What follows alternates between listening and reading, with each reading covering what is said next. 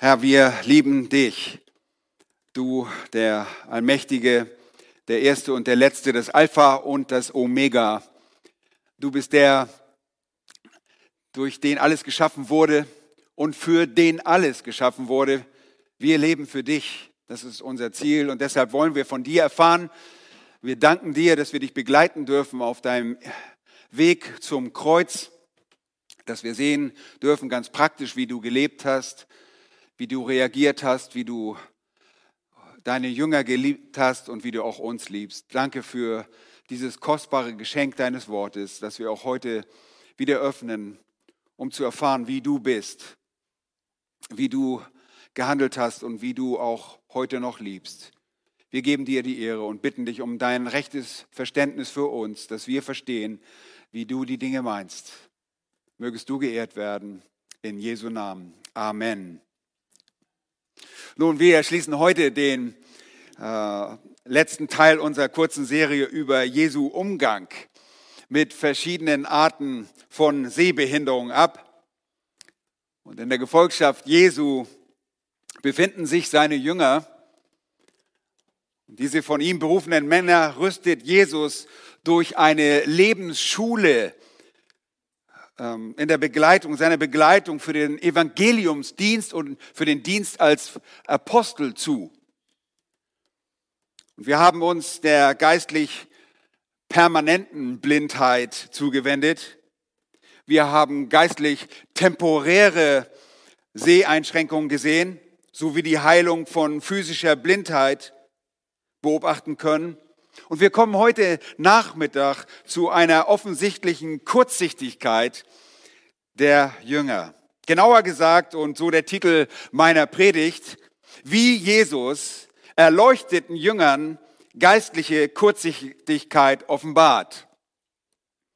Und ich möchte euch gleich sagen, dieser Text lässt sich auch leicht anwenden. Du kannst auch die Überschrift so sagen, wie Jesus dir deine geistliche Kurzsichtigkeit offenbart. Okay, wir sind Jünger, wenn wir dem Herrn folgen und deshalb ist es auch mein Gebet, dass Gott sich offenbart. Nun, die optische Kurzsichtigkeit bei einem Menschen, und ich nehme an, dass einige von euch das physisch auch sind, deshalb tragt ihr Brillen, diese Kurzsichtigkeit ermöglicht einem Menschen, das nahestehende Umfeld klar und deutlich zu sehen, aber das Entfernte ist für einen Kurzsichtigen verschwommen. Es ist undeutlich.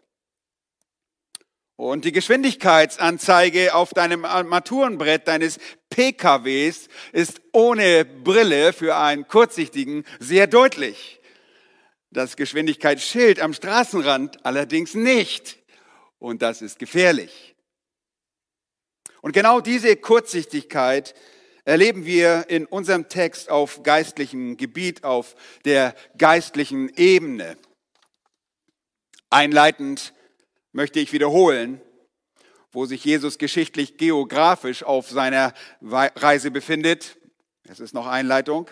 Er befindet sich dort äh, Ende, beendet im Sommer 29 äh, des Jahres 29 den öffentlichen Dienst in Galiläa.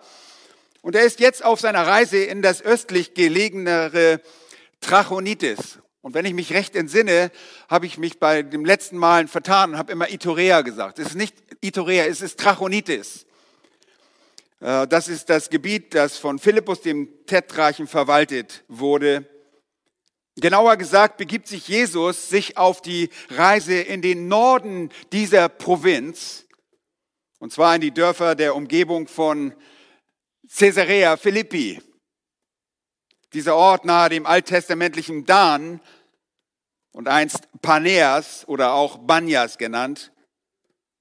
So wurde diese Ortschaft ja genannt aufgrund des dort einst verehrten Naturgottes Pan, ähm, Gottheit der griechischen Mythologie, daher kennen wir auch die Panflöte. Ähm, diese Stadt wurde unter Philippus zu Caesarea Philippi. Er benannte sie um. Und bitte merkt euch, unterscheidet das von diesem Caesarea, von dem maritimen Caesarea, das am Mittelmeer liegt, das Caesarea des Herodes des Großen. Dieser Dieses Caesarea am Mittelmeer an der Küste war das Caesarea zur Zeit Jesu der Prokuratoren, der römischen Statthalter. Wir sprechen von dem nördlichen Caesarea Philippi. Und ich würde euch allzu gerne ein paar Geschichten äh, über diese wunderbare Gegend dort erzählen und was sich dort alles zugetragen hat, aber dafür ist mein Text heute leider zu lang. Aber Jesus suchte dort im äußersten Norden dieser Provinz von Trachonitis offensichtlich zusätzlich die Zeit mit den Jüngern. Und er spricht später auch noch zu dem Volk dieser Gegend. Dort am Fuße des Hermon ist es sehr schön. Und einige von euch waren schon in dieser Gegend, ganz genau. Und äh, es ist wirklich ein sehr schönes Gebiet, das Quellgebiet des Jordans, äh, sehr grün und sicherlich auch sehr schön im Sommer dort zu sein, in diesem feuchten äh, Gebiet des Jordans, Quellgebiet des Jordans. Einfach nur schön. Aber dieses Gebiet ist ein Gemisch von Heiden und Juden zu der Zeit äh, des Philippus. Ein idealer Ort, der nicht so dicht besiedelt war und ein idealer zum Ort zum Lehren in der Sommerzeit. Aber auf dem Weg dorthin, bevor Jesus in den Norden geht, reist Jesus in, in der Gefolgschaft seiner Jünger durch das ihnen so bekannte Bethsaida. Und er heilte dort, abgeschieden vom Volk, einen physisch blinden Mann. Und ihr erinnert euch, denn es war erst letzte Woche dran, dass Jesus diese Heilung in zwei Schritten vornahm. Und das war eine ungewöhnliche Vorgehensweise Jesu bei seinen Heilungen. Und man fragt sich unweigerlich, warum der Heilige Geist ausgerechnet dieses Wunder mitten in diese Passagen hineingesetzt hat. Warum der Heilige Geist dieses Ereignis, obwohl es viele, sicherlich viele andere Ereignisse gab, genau dort hineinsetzt. Nun, wir dürfen spekulieren und das habe ich auch getan, indem wir diese vier Abschnitte zu einem Thema über Blindheit zusammengefasst haben. Aber eine Möglichkeit, und das ist meine Favoritenspekulation, warum dieser Text dort ist, ist, dass diese physische Blindenheilung geistliche Wahrheiten veranschaulichen soll. Denn so wie der Mann aus seiner physischen Blindheit in zwei Schritten, zwei Arbeitsvorgängen Jesu geheilt wird, so werden jetzt auch die Jünger in einem Prozess zur geistlichen Sehstärke gebracht. Nun, nimmt mich nicht so da, dass es dogmatisch ist, das ist meine Spekulation, warum dieser Text dort ist. Vollkommene Erkenntnis fiel nicht in einem Nu vom Himmel, sondern kam schrittweise. Und die Jünger sehen, aber sie sehen nicht klar. Sie erkennen auch in unserem Abschnitt den unmittelbar vor sich stehenden Sohn Gottes in seinem Wesen. Aber sie verkennen den dazugehörigen Weg des Herrn und sein größtes Ziel bleibt ihnen verschwommen und undeutlich.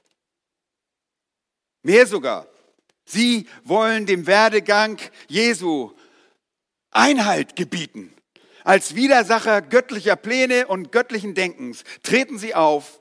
Petrus als Stellvertreter macht das für sie und wollen den Herrn daran hindern, seine Pläne umzusetzen.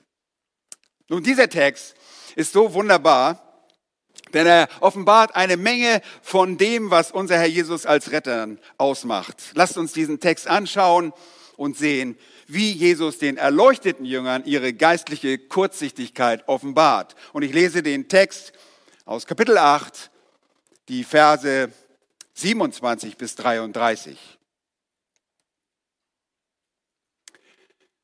Und Jesus ging samt seinen Jüngern hinaus in die Dörfer bei Caesarea Philippi.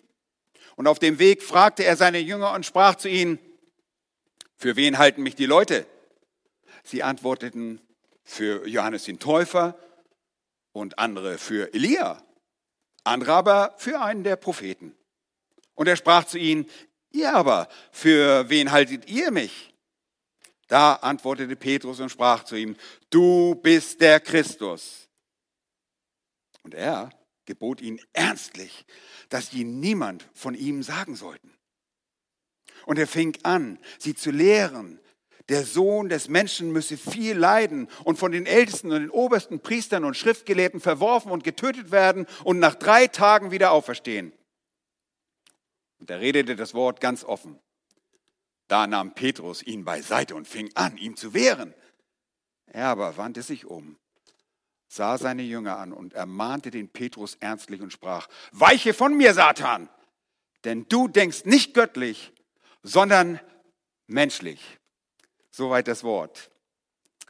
Ja, wir sehen in diesem Text, wie Jesus den erleuchteten Jüngern ihre geistliche Kurzsichtigkeit offenbart. Und erstens befragt er meisterlich. Er befragt seine Jünger auf eine meisterliche Art und Weise. Und das ist es, was einen Meister ausmacht. Er beherrscht die Kunst des Lehrens und es war bei den Juden eine sehr gängige Lehrmethode, die Schüler durch geschicktes Fragen zu belehren. Und das tut Jesus hier äußerst meisterlich. Er hat nicht Fragen. Jesus ist nicht da, weil er unwissend ist und keine Ahnung hat, was vor sich geht. Er hat nicht die Frage, die zu denen er keine Antwort hat, die er unbedingt loswerden muss, sondern er benutzt die Fragen, um seine Jünger und uns durch das aufgezeichnete Wort zu belehren. Und erstens unter A, damit ihr das auch alle mitkriegt, er fragt die Jünger nach der Volksmeinung, Vers 27. Klick, um herauszufinden, was die Menschen von Jesus denken. Wir lesen Vers 27. Und Jesus ging samt seinen Jüngern hinaus in die Dörfer bei Caesarea Philippi und auf dem Weg, also während er unterwegs ist, fragte er seine Jünger und sprach zu ihnen, für wen halten mich die Leute? Für wen halten sie mich? Das ist die Frage, die er hier stellt. Ihr Lieben, für einen Diener des Herrn ist es wichtig, dass wir das Denken der Gesellschaft kennen, in der wir leben. Und es ist wichtig zu wissen, was die gängigen Themen und Auffassungen unserer Bevölkerung sind. Wir können unsere Köpfe nicht in den Sand stecken oder unsere Leben als Eremiten, als Einsiedler irgendwo im Kloster abgeschieden in heilig frommer Ignoranz darüber äh, führen oder einfach ignorant sein darüber, was Menschen heute bewegt. Leider erlebe ich das immer wieder, dass Diener des Herrn keine Ahnung haben, was in unserer Gesellschaft geschieht und was die Gesellschaft beschäftigt. Das darf nicht so sein. Und die Jünger bestehen diese Frage Jesus, gleichsam eine Ex äh, Examensfrage an die Jünger. Er bereitet sie vor und sagt, hier ist ein Zwischenexamen. Ich möchte mal sehen, hey, wisst ihr, wie sie denken? Sie bestehen diese Frage. Sie zucken nicht unwissend mit den Schultern, sondern antworten Vers 28 für Johannes den Täufer und andere für Elia, andere aber für einen der Propheten. Nun, Johannes galt bei dem Volk Gottes, bei dem Volk Israel als ein großer Prophet. Und selbst die Mörder Jesu wussten, dass, wie wir noch in Markus 11 sehen werden, wo die obersten Priester und die Schriftgelehrten und die Ältesten Jesus aus diesem Grund eine Antwort verweigern, weil sie wussten, dass das Volk Johannes den Täufer als einen Propheten betrachtete.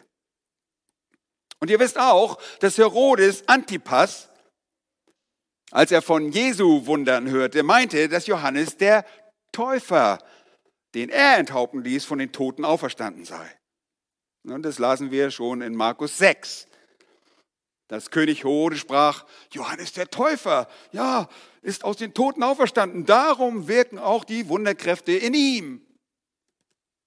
Herodes war diesbezüglich sehr geplagt denn er hatte sicherlich viel von der Auferstehung der Toten von Johannes zu hören bekommen, denn er hatte ihn oft gefragt, ihr erinnert euch daran. Und so war er davon überzeugt und viele andere Menschen offensichtlich auch, dass Jesus der auferstandene Täufer sei. Zweitens lesen wir in Vers 28 für Johannes den Täufer und andere für Elia. Andere hielten Jesus für Elia. Auch sein Name fiel bereits in Markus 6. Er, der bekannte Prophet des Alten Testaments, wurde aufgrund der Verheißungen im Volk erwartet.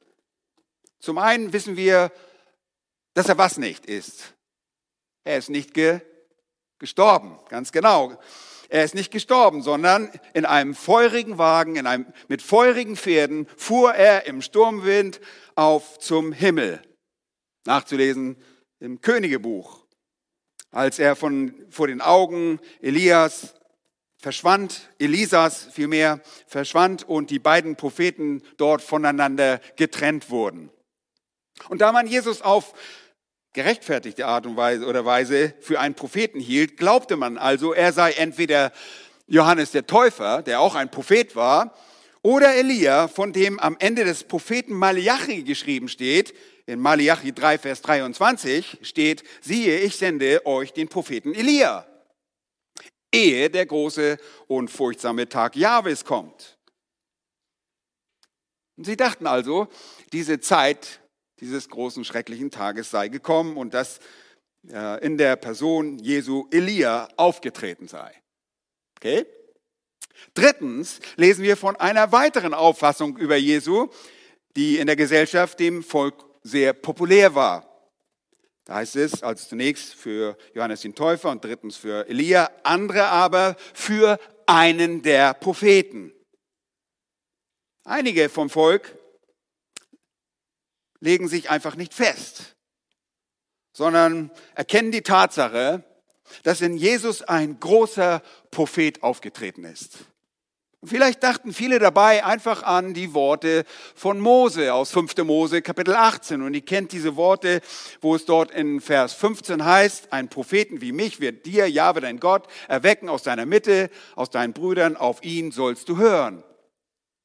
Matthäus fügt hinzu, welchen Namen die Jünger noch als Antwort anführten.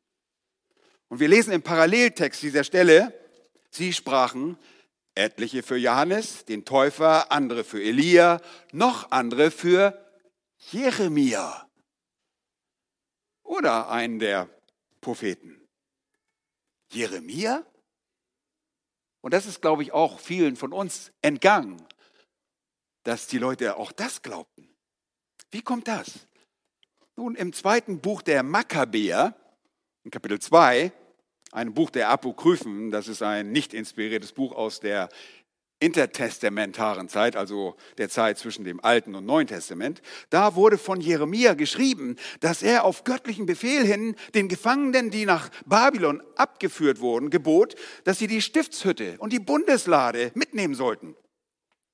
Das geschah wohl, als er auszog und als dann äh, Jeremia an den Berg Nebo kam, auf den auch Mose gestiegen war und von dem äh, Mose das Erbland gesehen hatte. Als Jeremia dorthin kam, fand er dort eine Höhle am Berg Nebo und darin versteckte er die Stiftshütte und die Lade und die, den Räucheraltar und verschloss den Eingang. Und ich mache es kurz. Aufgrund dieser angeblich geschehenen Ereignisse glaubten zur Zeit Jesu einige der Juden, dass vor dem Erscheinen des Messias zur Errichtung seines Reiches zuvor Jeremia kommen müsse, um die versteckten Geräte, die Stiftshütte und die Lade und den Räucheraltar zur Wiederherstellung des Dienstes in den Tempel bringen würde. Und deshalb haben sie gedacht, oh, jetzt kommt Jeremia. Ihr Lieben, was auch immer, das kann so nicht sein. Das passt mit den geschichtlichen Ereignissen nicht zusammen denn die Tempelgeräte wurden von ba nach Babylon verschleppt und mitgenommen. Jesus war definitiv nicht Johannes der Täufer, er war nicht Elia und er war auch nicht Jeremia. Und er war auch nicht nur einer der Propheten. Nun, andere glaubten das einfach nur, dass Jesus ein Prophet sei. Aber auch das ist nur eine unzureichende Teilwahrheit. Nicht die alleinige und nicht die ausreichende Wahrheit. Die Jünger kannten das Denken der Bevölkerung und in diesem Denken kommt letztlich die Gottlosigkeit des Volkes zum Ausdruck. Denn die Menschen um Jesus herum reduzierten den Sohn Gottes lediglich zu einem Sprecher Gottes, zu einem menschlichen Geschöpf. Ein Sprecher und Mittler und Mensch war Jesus, aber nicht ausschließlich. Und so folgt die ultimative Frage des Meisters an seine Jünger. B. Er fragt die Jünger nach ihrer Meinung. In Vers 29 lesen wir, und er sprach zu ihnen, Ihr aber, für wen haltet ihr mich? Nun wusste er, was und das wusste er vorher. Jetzt wissen wir, was das Volk gedacht hat. Aber wir wollen auch wissen, was die Jünger gedacht haben. Und Jesus fragt sie ganz persönlich und fordert sie heraus. Und ihr? Für wen haltet ihr mich? Nun, es ist eine Sache, die Meinung und Auffassung anderer vorzubringen. Es ist eine andere Sache, wenn man die eigene Überzeugung preisgibt und wenn man sein eigenes Bekenntnis ablegt. Die Jünger sehen sich einer grundsätzlichen und so wichtigen Frage gegenüberstellt. Und ihr Lieben, es spricht für die Jünger, dass sie sofort eine Antwort haben. Absolut sofort. Ohne Aufschub, ohne Beratung, wie zuvor im Beraten über den Sauerteig der Pharisäer. Erinnert ihr euch noch? Und des Herodes. Ohne ein Zögern tritt Petrus hervor und spricht. Und ihr Lieben, er sollte künftig immer wieder als ihr Sprecher sich herauskristallisieren. Er spricht ein deutliches Bekenntnis. Und das jetzt auf ihre innere Überzeugung zurückzuführen ist. Es ist nicht lediglich ein intellektuelles, beziehungsloses Statement, es ist vielmehr ein Ausspruch der inneren Überzeugung, und des gewachsenen Vertrauens, eine Überzeugung, die Petrus hier auf unterschiedliche Weise und wohl wiederholt mit verschiedenen Worten jetzt vorträgt. Schaut euch einmal die zweite Hälfte, Vers 29 an. Da antwortete Petrus und sprach zu ihm, du bist der Christus. Faszinierend, ein monumentales Bekenntnis, weit, äh, wirklich weitreichender Bedeutung. Du bist der Christus, du bist der Gesalbte, der Sohn des lebendigen Gottes. So sagt er es noch laut Matthäus 16, Vers 16. Und sie hielten ihn auch für den Christus Gottes, fügt Lukas in Kapitel 9, Vers 20 hinzu. So wird er all diese Dinge gesagt haben. Du bist der, du bist, du, du bist der Christus, du bist der Sohn des lebendigen Gottes. Was für ein scharfes, was für ein korrektes Sehvermögen. Absolut treffsicher. Sie sehen in ihm den Sohn des lebendigen Gottes, den Christus. Und das ist griechisch, der Gesalbte. Und bedeutet das auch. Sie sehen deutlich, wer da unmittelbar vor ihnen steht, wer diese Frage stellt. Und ohne alle Details zu wissen, und so ist Christus, der Sohn Gottes, der vom Vater Gesandte, der gesalbte Mittler, der Gesandte, der Apostel unserer Seelen, der verheißene Prophet und Priester nach der Weise Melchisedeks, der gesalbte König der Ewigkeit, das Lamm Gottes und der Löwe aus dem Stamm Juda. Und viele andere Namen mehr drücken aus, wer dieser Mann, dieser Gott Mensch in der Gestalt eines Knechtes unter ihnen ist. All diese Dinge und noch mehr sind hinter dem Christus verborgen, auch wenn die Jünger das noch gar nicht alles verstehen. Sie haben dennoch verstanden, er ist der Christus, er ist der Gesalbte, von Gott Gesalbte für eine bestimmte Aufgabe, nämlich die Versöhnung der Menschen, die an ihn glauben sollte. Und sie verstehen, dass Jesus der von Gott Gesandte, der Messias, hebräisch Gesalbte ist. Aber welch ein umwerfendes Bekenntnis, dass sie hier erstmalig übrigens gegenüber so Jesus aussprechen durch Petrus. Das allererste Mal.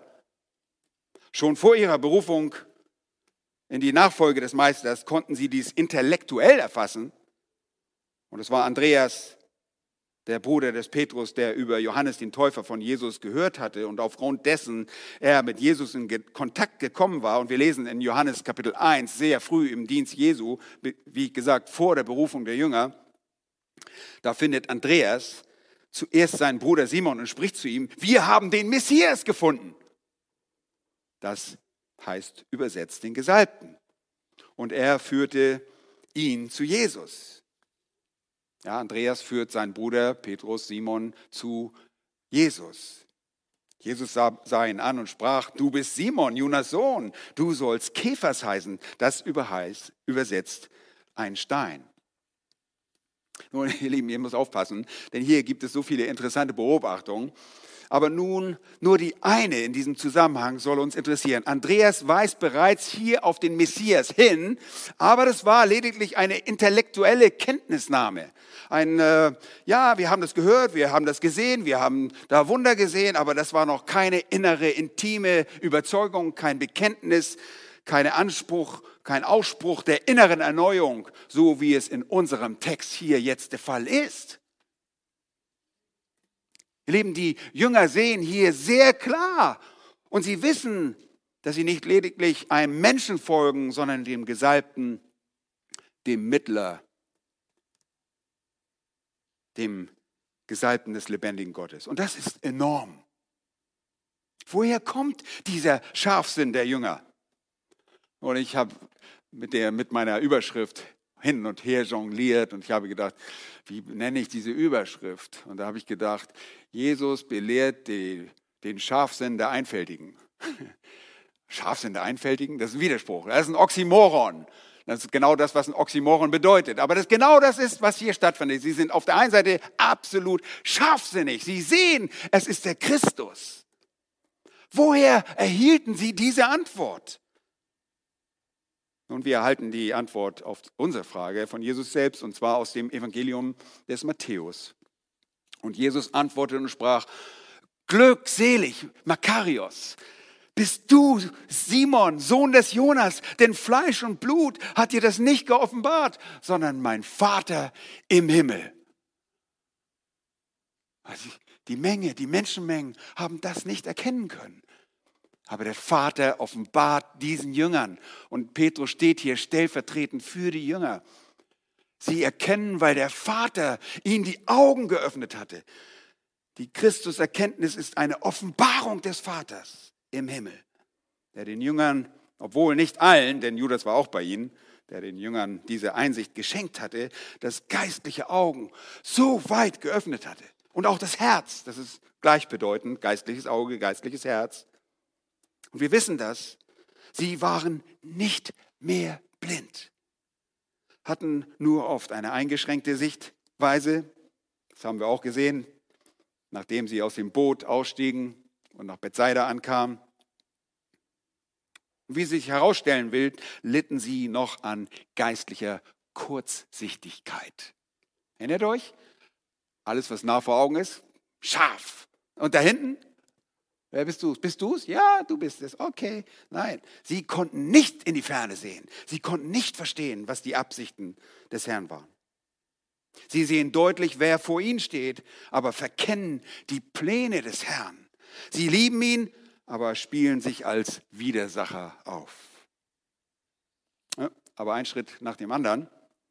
Was kommt jetzt in unserem Text? Ist das ein Versehen, ein Druckfehler, ein Irrtum der Übersetzer? Sollten wir das aus unseren Bibeln streichen, was hier steht? Zweitens, er befiehlt ernstlich. Jesus befiehlt seinen Jüngern ernstlich. Was? Schaut euch Vers 30 an. Und er gebot ihnen ernstlich, dass sie niemand von ihm sagen sollten. Ist das möglich? Hier ist ein deutlicher Widerspruch. So hören wir es lautstark aus dem Munde des Moron Atheisticus. Ich habe einen Widerspruch. Siehst du, ich wusste es. Schaut doch mal in Markus 16. Da spricht Jesus nämlich zu den Jüngern und sagt, geht in alle Welt und verkündigt das Evangelium der ganzen Schöpfung. Naja, das ist doch deutlich. Das Evangelium ist doch Jesus Christus. Und hier steht, dass niemand von ihm sagen sollte. Ein klarer Widerspruch in der Bibel. Nun, Moron Atheisticus hat das gefunden. Aber es ist leider falsch. Moron atheisticus. Lieber Kritiker der Schrift, hier ist die Zubereitung der Jünger im Gange. Genau wie ein angehender Pilot nicht nach der ersten Flugstunde die Passagiere über den Atlantik fliegt, so sind die angehenden Botschafter an Christi Stadt nicht bereit, die Botschaft hinauszutragen. Sie kennen ihren Meister, den Christus, nicht genug. Sie kennen nicht seine Pläne. Und deshalb erfolgt von Jesus ein ernsthaftes Gebot. Und das wird hier betont. Das war nicht, oh, lass das mal nach, redet mal lieber nicht von mir, also ihr seid doch ein bisschen in der Schieflage. Äh, nein, das war ein ernsthaftes Gebot, nicht weiterzusagen. Die Tatsache, dass er der Christus ist, sollte ihn und der Gesellschaft nicht reichen. Ja, sie würden damit nur falsche Hoffnung wecken. Denn die landläufige Meinung, die weit verbreitete Auffassung von dem Christus, dem Messias der Juden, bestand darin, dass man in ihm einen militärischen, einen politischen Helden und einen Kämpfer sah, der mit Gewalt der Fremdherrschaft der Römer ein Ende machen würde. Eine Bekanntmachung dieser Wahrheit vom Christus käme einer Katastrophe gleich. Nun, schon wenige Monate zuvor musste sich Jesus nach der Speisung der 5000 in Galiläa nahe Bethsaida zurückziehen, weil man ihn mit Gewalt intronisieren wollte. Und das sollte nicht nochmal geschehen. Sie sollten schweigen. Die Scharfsicht der Jünger musste das Gebot zum Schweigen zur Folge haben. Warum? Was ist los? Sie hatten riesige Defizite in der Unterweisung. Und so beginnt Jesus, sie speziell in Richtung Sterben zu belehren. Drittens, Jesus belehrt deutlich, die Verse 31 und 32a. Lass uns das lesen. Und er fing an, sie zu lehren. Der Sohn des Menschen, und das ist eine der Lieblingsbezeichnungen, die Jesus benutzt, ein Begriff, der aus Daniel Kapitel 7 kommt, wo der Sohn des Menschen den Hochbetagten trifft, auf ihn stößt. Das ist ein Begriff für Jesus. Er müsse viel leiden. So bezeichnet sich Jesus gerne. Und von den Ältesten und den obersten Priestern und Schriftgelehrten verworfen und getötet werden und nach drei Tagen wieder aufstehen. Und er redet das Wort ganz offen. Er belehrt deutlich, a, wer die Feinde sind. Er belehrt die Jünger, dass die Auseinandersetzung mit den religiösen Leitern der Juden, die sie in der Vergangenheit miterlebt hatten, keine Einzelfälle darstellen. Er belehrt sie darüber, wer diese Feinde sind. Und ich werde das ganz zügig tun. Ich kann euch sagen, hier steht von Ältesten, von obersten Priestern und den Schriftgelehrten. Das ist eine Zusammenfassung für den Sanhedrin, den Hohen Rat. Und der Hohe Rat ist das höchste Regierungs- und Richterkollegium der Juden. Okay, bestand aus 71 Männern und an der Spitze war der hohe Priester.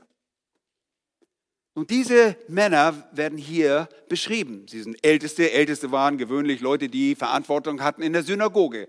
Ihr wisst, nach der babylonischen Gefangenschaft wurden Synagogen gebaut und die Ältesten waren verantwortlich für die äh, Leitung der Synagogen. Hier sind auch oberste Priester angeführt. Und wie viele oberste Priester gibt es? Es gibt einen hohen Priester und dazu gehört auch der Haushalt des hohen Priesters, sowie die obersten Priester, die Verantwortlichkeiten hatten, so wie zum Beispiel äh, gab es 24 Standmannschaften, gewisse Mannschaften, die Einsatz für eine Woche hatten am Tempel. Für den Gesang, für die Opfer, die wurden jeweils für eine Woche in den Dienst geschickt und äh, dann nach einer Woche Dienstzeit konnten sie wieder in ihre Gebiete zurückgehen. Ihr wisst, die Leviten haben unter dem Volk gewohnt, hatten kein eigenes Land.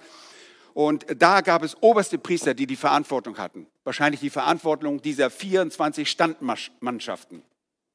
Und auch die Schriftgelehrten, ähm, die Schriftgelehrten, äh, vielleicht noch zum obersten Priester, das war der, ähm, der von den Sadduzäern gestellt wurde. Und ihm ergeben waren auch die die obersten Priester. Das waren häufig Leute aus den Sadduzäern. Die Opposition dazu waren die Pharisäer. Und diese Pharisäergemeinschaften waren nicht alle eins. Die waren sich nicht alle einig. Da gab es, äh, sie waren eine Opposition gegenüber den Sadduzäern und sie teilten sich auf in zwei Gruppen. Die Pharisäer des Hillels, die der Schule des Hillels angehörten, und der Schule der Schamais. Sie waren unterschiedlich und sie waren die Opposition gegenüber den Sadduzäern dort im Sanhedrin. Diese Männer, und ihr seht, wir sehen gar nicht hier die Pharisäer erwähnt, die sind hier auch erwähnt in dem Schriftgelehrten. Viele der Schriftgelehrten hatten die Führungsrolle bei den Pharisäern inne. Viele andere Pharisäer waren einfach nur ganz einfache Männer. Aber diese Leute hier waren verantwortlich dafür, dass Jesus Christus verworfen, getötet werden sollte und viel leiden musste. Und da stellt er ihnen vor. Er sagt ihnen, wer diese Feinde sind. Ganz deutlich. Und das sagt er im Voraus. Und ihr wisst, Jesus und Jahwe überhaupt sagt alles im Voraus. Was, haben wir nicht gerade was gelernt aus Jesaja 46? Wie war das noch? Vers 9 und 10. Gedenkt an die Anfänge von der Urzeit her, dass ich Gott bin und keiner sonst, ein Gott, dem keiner zu vergleichen ist. Ich verkündige von Anfang an das Ende und von der Vorzeit her, was noch nicht geschehen ist. Ich sage, mein Ratschluss soll zustande kommen und alles, was mir gefällt, werde ich vollbringen. Ihr Lieben, hier sagt Jesus ganz genau, was geschehen wird. Nicht, was geschehen könnte. Ah, vielleicht werden die mich da irgendwie mal nicht so gerne riechen können. Nein, er sagt ihnen ganz genau, hier ist, was geschieht. Er belehrt sie darüber, wie sein Weg aussehen wird. Zweitens belehrt er sie, wie sein Weg sein wird. Genau, du warst ja schon schneller als ich. Das ist B, der Weg. Und es folgen zwei weitere in Kapitel 9 und 10 Ankündigungen des Leidens, weil die Jünger so langsam waren, das zu verstehen. Das passte ihnen überhaupt nicht in Kram. Jesus sterben? Meine Güte, wir sitzen doch neben ihm im, in seinem Reich. Wir sitzen doch neben. Mama, geh mal schnell hin, besorg uns mal einen guten Platz. Erinnert euch noch dran? Die Donnersöhne hatten das so veranlasst. Er, der Sohn des Menschen, sollte viel leiden, hat sagt er. Er sollte verworfen und getötet werden. Und schon bei diesen Worten haben die Jünger abgeschaltet. Kann man sich so richtig vorstellen. Das, den Rest hören sie gar nicht mehr. Hören sie nicht. Wir haben abgeschaltet, sie können nicht mehr folgen dass das Wiederauferstehen Jesu ihnen äh, garantiert völlig entgangen ist.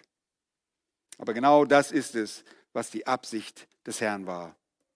Er war gekommen, um zu leiden, verworfen zu werden, zu sterben und dann wieder aufzuerstehen, weil er der Sieger ist. Der Tod konnte ihn nicht besiegen. Der Weg des Christus bestand in viel Leiden, Verwerfung, Tötung. Aber preis den Schöpfer, er sollte auch nach drei Tagen wieder auferstehen. Und das hatte er schon so früh im Dienst in Jerusalem auf eine kryptische Art und Weise, also verschleiert, durchblicken lassen. Erinnert euch, im Johannesevangelium Kapitel 2 sagt er, brecht diesen Tempel ab und in drei Tagen will ich ihn aufrichten. Da sprachen die Juden, was? Wie? In, in 46 Jahren ist dieser Tempel erbaut worden und du willst ihn in drei Tagen aufrichten? Da heißt es in Kapitel 2, 21, er aber redete von dem Tempel seines Leibes. Und keiner verstand diese Aussage. Und wir lesen dort in Vers 22 in Kapitel 2, als er nun aus den Toten auferstanden war, dachten seine Jünger daran, dass er ihnen dies gesagt hatte. Und sie glaubten der Schrift und dem Wort, das Jesus gesprochen hatte. Vorher hat es keiner verstanden. Seht ihr, bisher war der Tod und die Auferstehung nicht so thematisiert worden. Aber jetzt sollte er damit beginnen. Und Markus sagt in Vers 31, und er fing an, sie zu belehren. Und das war nicht nur hier in diesem Moment, sondern das galt generell, fing er jetzt an, gezielt über seinen Tod, über seinen Weg zu reden. Matthäus sagt in Matthäus 16, 21, von da an, das ist deutlicher, von da an begann Jesus seinen Jüngern zu zeigen. Und dann erzählt er ihnen, dass er sterben müsse und so weiter. Ja? Es ist eine Wende, findet statt. Er belehrt sie jetzt, was geschehen muss. Wisst ihr, wie Jesus diese Dinge lehrte? Ihr braucht nur in den Text schauen. Er lehrte darüber vollkommen offen, sagt die Schlachter. Man kann das auch als klar übersetzen. Es war deutlich. Es war nicht mystisch oder kryptisch, nicht verschleiert, nicht gleichnishaft. Es waren keine Gleichnisse da, sondern verständlich, wie, so verständlich, wie menschliche Sprache nur sein kann. Ich meine, was versteht ihr daran nicht? Ich muss leiden. Was versteht man daran nicht? Ist es schwierig? Ich muss verworfen werden. Kann man sehr deutlich verstehen. Ich muss sterben. Die Jünger haben das nicht gehört. Die hatten ihre Ohren in der Hosentasche. Die haben das nicht gehört, weil sie nicht göttlich, sondern menschlich dachten. Und das ihr Leben war für Petrus und die Jünger einfach zu viel. Damit wurden sie nicht fertig, weil ihr Denken wirklich menschlich war, statt göttlich. Und Jesus beginnt sein Angesicht Richtung Jerusalem zu wenden, sein Erlösungswerk vor Augen zu haben. Und hier beginnt das Leid. Die Via della Rosa, die beginnt hier bei der ersten Leidensankündigung, nicht erst in der Woche, als Jesus ein paar Schritte von A nach B geht, sondern hier der schmerzhafte Weg, Via della Rosa Latein bedeutet der schmerzhafte Weg, der Leidensweg, der dem Gläubigen zum ewigen Heil gereichen darf. Er geht, um uns zu erlösen. Aber die Jünger verstehen das nicht und deshalb sehen wir, wie Jesus seine Geliebten korrigieren muss. Viertens, er berichtigt nachdrücklich, musste er irgendwie ein B finden am Anfang, er korrigiert nachdrücklich, er berichtigt sie nachdrücklich. Und er weist sie zurecht, nachdem Petrus sich ihm in den Weg stellt. Petrus wird zum Widersacher und steht damit nur für den Rest der Gruppe. Der Text sagt, Vers 32b, da nahm Petrus ihn beiseite und fing an, ihm zu wehren. Ich meine, ihr müsst euch das mal vorstellen, der Mann, der gerade richtig geantwortet hatte, glasklar gesehen hatte und sagt, du bist der Christus des lebendigen Gottes, der Sohn des lebendigen Gottes, der stellt sich jetzt ihm im Weg. Der denkt, ich muss ihm, diesem Schöpfer der Welt mal was beibringen. Ich muss ihm mal was erklären. Das geht ja so nicht. Ja. Der, der gerade diese Erleuchtung hatte, stellt sich ihm entgegen. Ihr Lieben, ein einfacher Fischer aus Galiläa knöpft sich den Schöpfer und den Weltenbeherrscher, den Allmächtigen, das Alpha und das Omega, knöpft er sich vor und will diesem eine Lektion erteilen. Das kann, das kann überhaupt nicht hingehen. Da bist du also wohl im Irrtum. Leiden, sterben, verwerfen, vielleicht hat er noch so viel gehört, das war nicht auf dem Plan der Jünger. Das ist ein göttlicher Plan, der göttliche Erlösungsplan. Und wir sehen erstens A, die persönliche Korrektur, die sind viel schneller. Also warum macht ihr nicht gleich einfach so und dann ist es fertig. Die persönliche Korrektur des Petrus. Okay?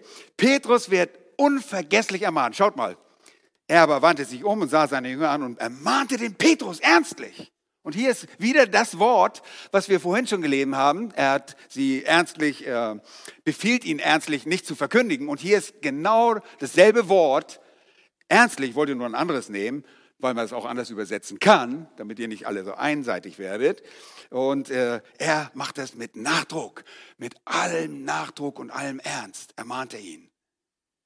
Weiche von mir, Satan, denn du denkst nicht göttlich, sondern menschlich. Petrus wird unvergesslich ermahnt. Satan, weiche von mir? Satan ist der Widersacher Gottes.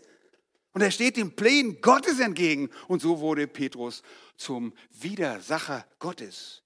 Denn sein Denken war nicht göttlich. Oh, hey, diese, diese Korrektur sollte so einschlagen. Es krachte gewaltig und Petrus sollte diese Zurechtweisung erkennen und er sollte sie beherzigen. Denn er schreibt Jahre danach in seinem wunderbaren Brief, an 1. Petrusbrief in Kapitel 2, Vers 19 und folgende. Achtet mal darauf, was er sagt. Denn das ist Gnade, wenn jemand aus Gewissenhaftigkeit gegenüber Gott Kränkung erträgt, indem er zu Unrecht leidet. Denn was ist das für ein Ruhm, wenn ihr geduldig Schläge ertragt, wenn ihr gesündigt habt? Rhetorische Frage, das ist kein, überhaupt kein Ruhm. Wenn ihr aber für Gutes tun leidet und geduldig ertragt, das ist Gnade bei Gott. Denn dazu seid ihr berufen. Jetzt wird er zum Lehrer und belehrt die anderen, weil auch Christus für uns gelitten und uns ein Vorbild hinterlassen hat, damit ihr seinen Fußstapfen nachfolgt. Er hat keine Sünde getan. Es ist auch kein Betrug in seinem Mund gefunden worden. Als er geschmäht wurde, schmähte er nicht wieder. Als er litt, drohte er nicht, sondern übergab es dem, der gerecht richtet. Er hat unsere Sünden selbst an seinem Leib getragen auf dem Holz, damit wir, den Sünden gestorben, der Gerechtigkeit leben mögen. Durch seine Wunden seid ihr heil geworden. Das ist jemand, der das verstanden hat, was ihm jetzt völlig fremd war und er die Rolle eines Widersachers einnimmt. Wisst ihr was, ihr Lieben?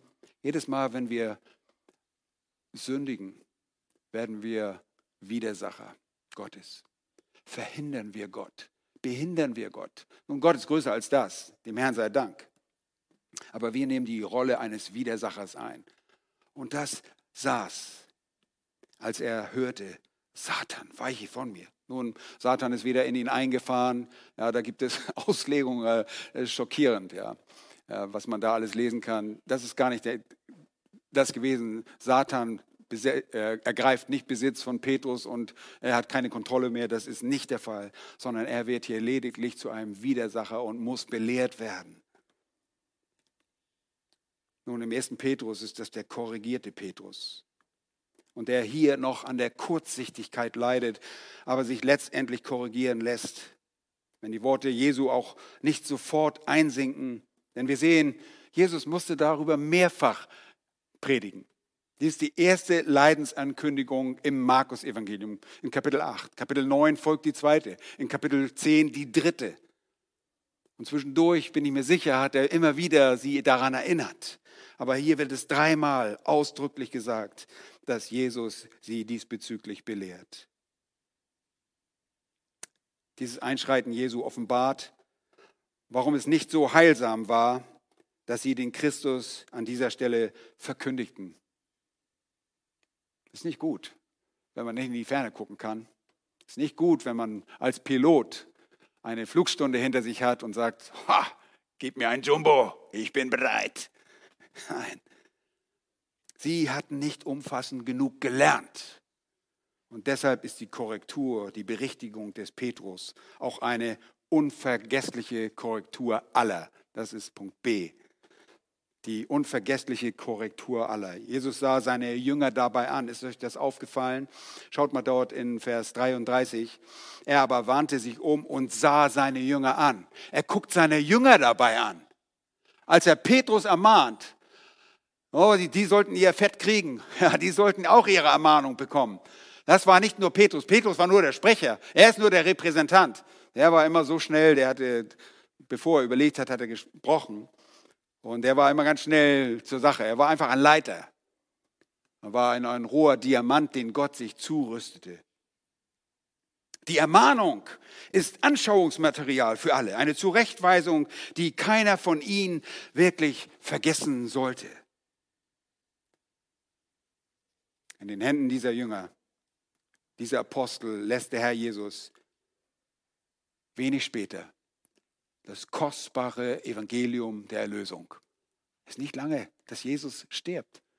Vielleicht ein halbes Jahr, vielleicht etwas länger als ein halbes Jahr und Jesus stirbt und er setzt seine Jünger ein, er schickt, sendet seine Jünger aus und er sagt, ich sende euch, wie mein Vater mich gesandt hat, so sende ich euch aus. Er lässt das Evangelium in den Händen der Apostel. Dieses kostbare Evangelium. Wisst ihr was? Sie verstehen die Ermahnung, auch wenn es nur langsam geht, sie müssen mehrmals ermahnt werden. Sie versagen nicht, denn der Herr sollte sie nie verlassen. Er sollte sie nie verlassen. Erinnert euch, er bereitet sie vor in dem oberen Saal und er sagt, bei euch sein, der Geist wird ewiglich bei euch sein. Wisst ihr, wer der Geist ist? Das ist der Geist Gottes, der Geist des Christus. Christus hat Raum in allen seinen Kindern genommen. Wir sind nicht allein.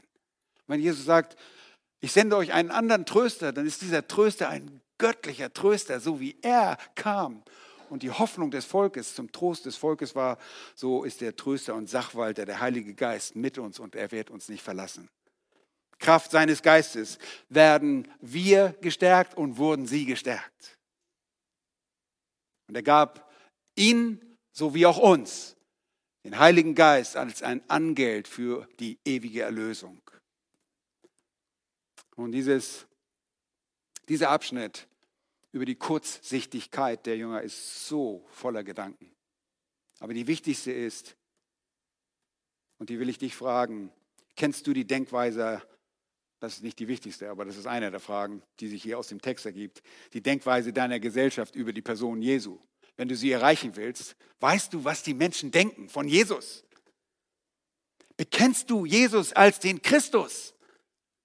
Erklär den Menschen, was das bedeutet. Ist dein Bekenntnis ein kopflastiges oder ein Bekenntnis eines liebenden Jüngers mit einer Beziehung zu Jesus?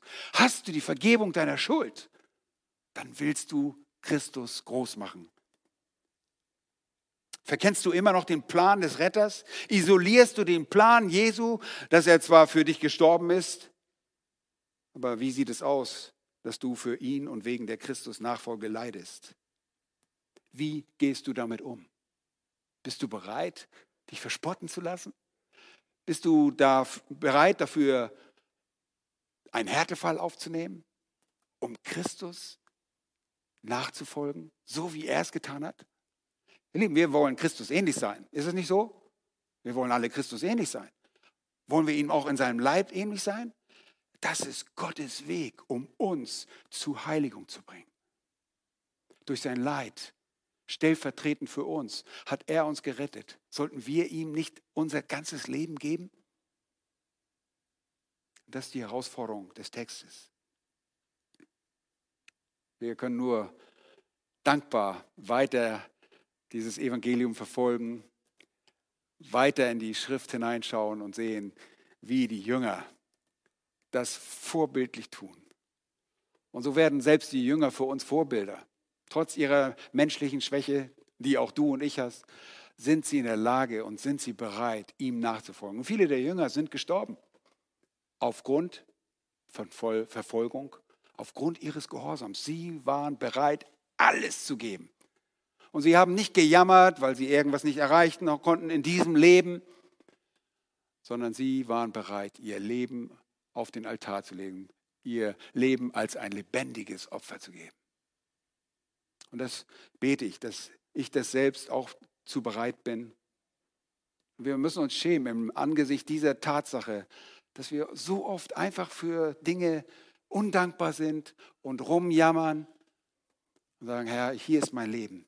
Nimm es und mach, was du willst. Ich möchte dir nachfolgen, so wie du mich gerettet hast und stellvertretend für mich gestorben bist. Lass uns beten. Herr, wir danken dir von ganzem Herzen, dass du die Augen der Jünger erleuchtet hast, dass sie erkennen durften, dass du der Christus, der Gesalbte warst, der gekommen ist als Mittler zwischen Gott und Mensch. Dass du der große Prophet warst, der nicht nur Prophet war, sondern auch Priester und König gleichzeitig. Du sitzt auf dem Thron. Du regierst diese Welt von Anfang an und du wirst sie in alle Ewigkeit regieren. Herr, hilf du, dass wir aus unserer Kurzsichtigkeit, die uns so oft anhaftet, befreit werden. Dass wir auf die Dinge schauen und trachten, danach trachten, was droben ist. Dass wir auf die Dinge achten, die vor uns sind und die uns erwarten, statt auf das Menschliche, Herr, hilf uns nicht nur menschlich zu denken, sondern deine Gedanken. Herr, wie Paulus es sagte, wir haben Christi Sinn. Und das möchten wir. Wir möchten deine Gedanken dir nachdenken und so dir auch Ehre bringen durch unser Leben. Hilf uns dabei und vergib uns unsere schreckliche Sünde, von der wir auch schon so gehört haben und gesungen haben. Herr, du hast unsere Sünde vergeben. Hilf uns, treu im Gehorsam zu sein und gute, gehorsame Jünger zu sein. Dir sei Lobpreis und Ehre in Jesu Namen. Amen.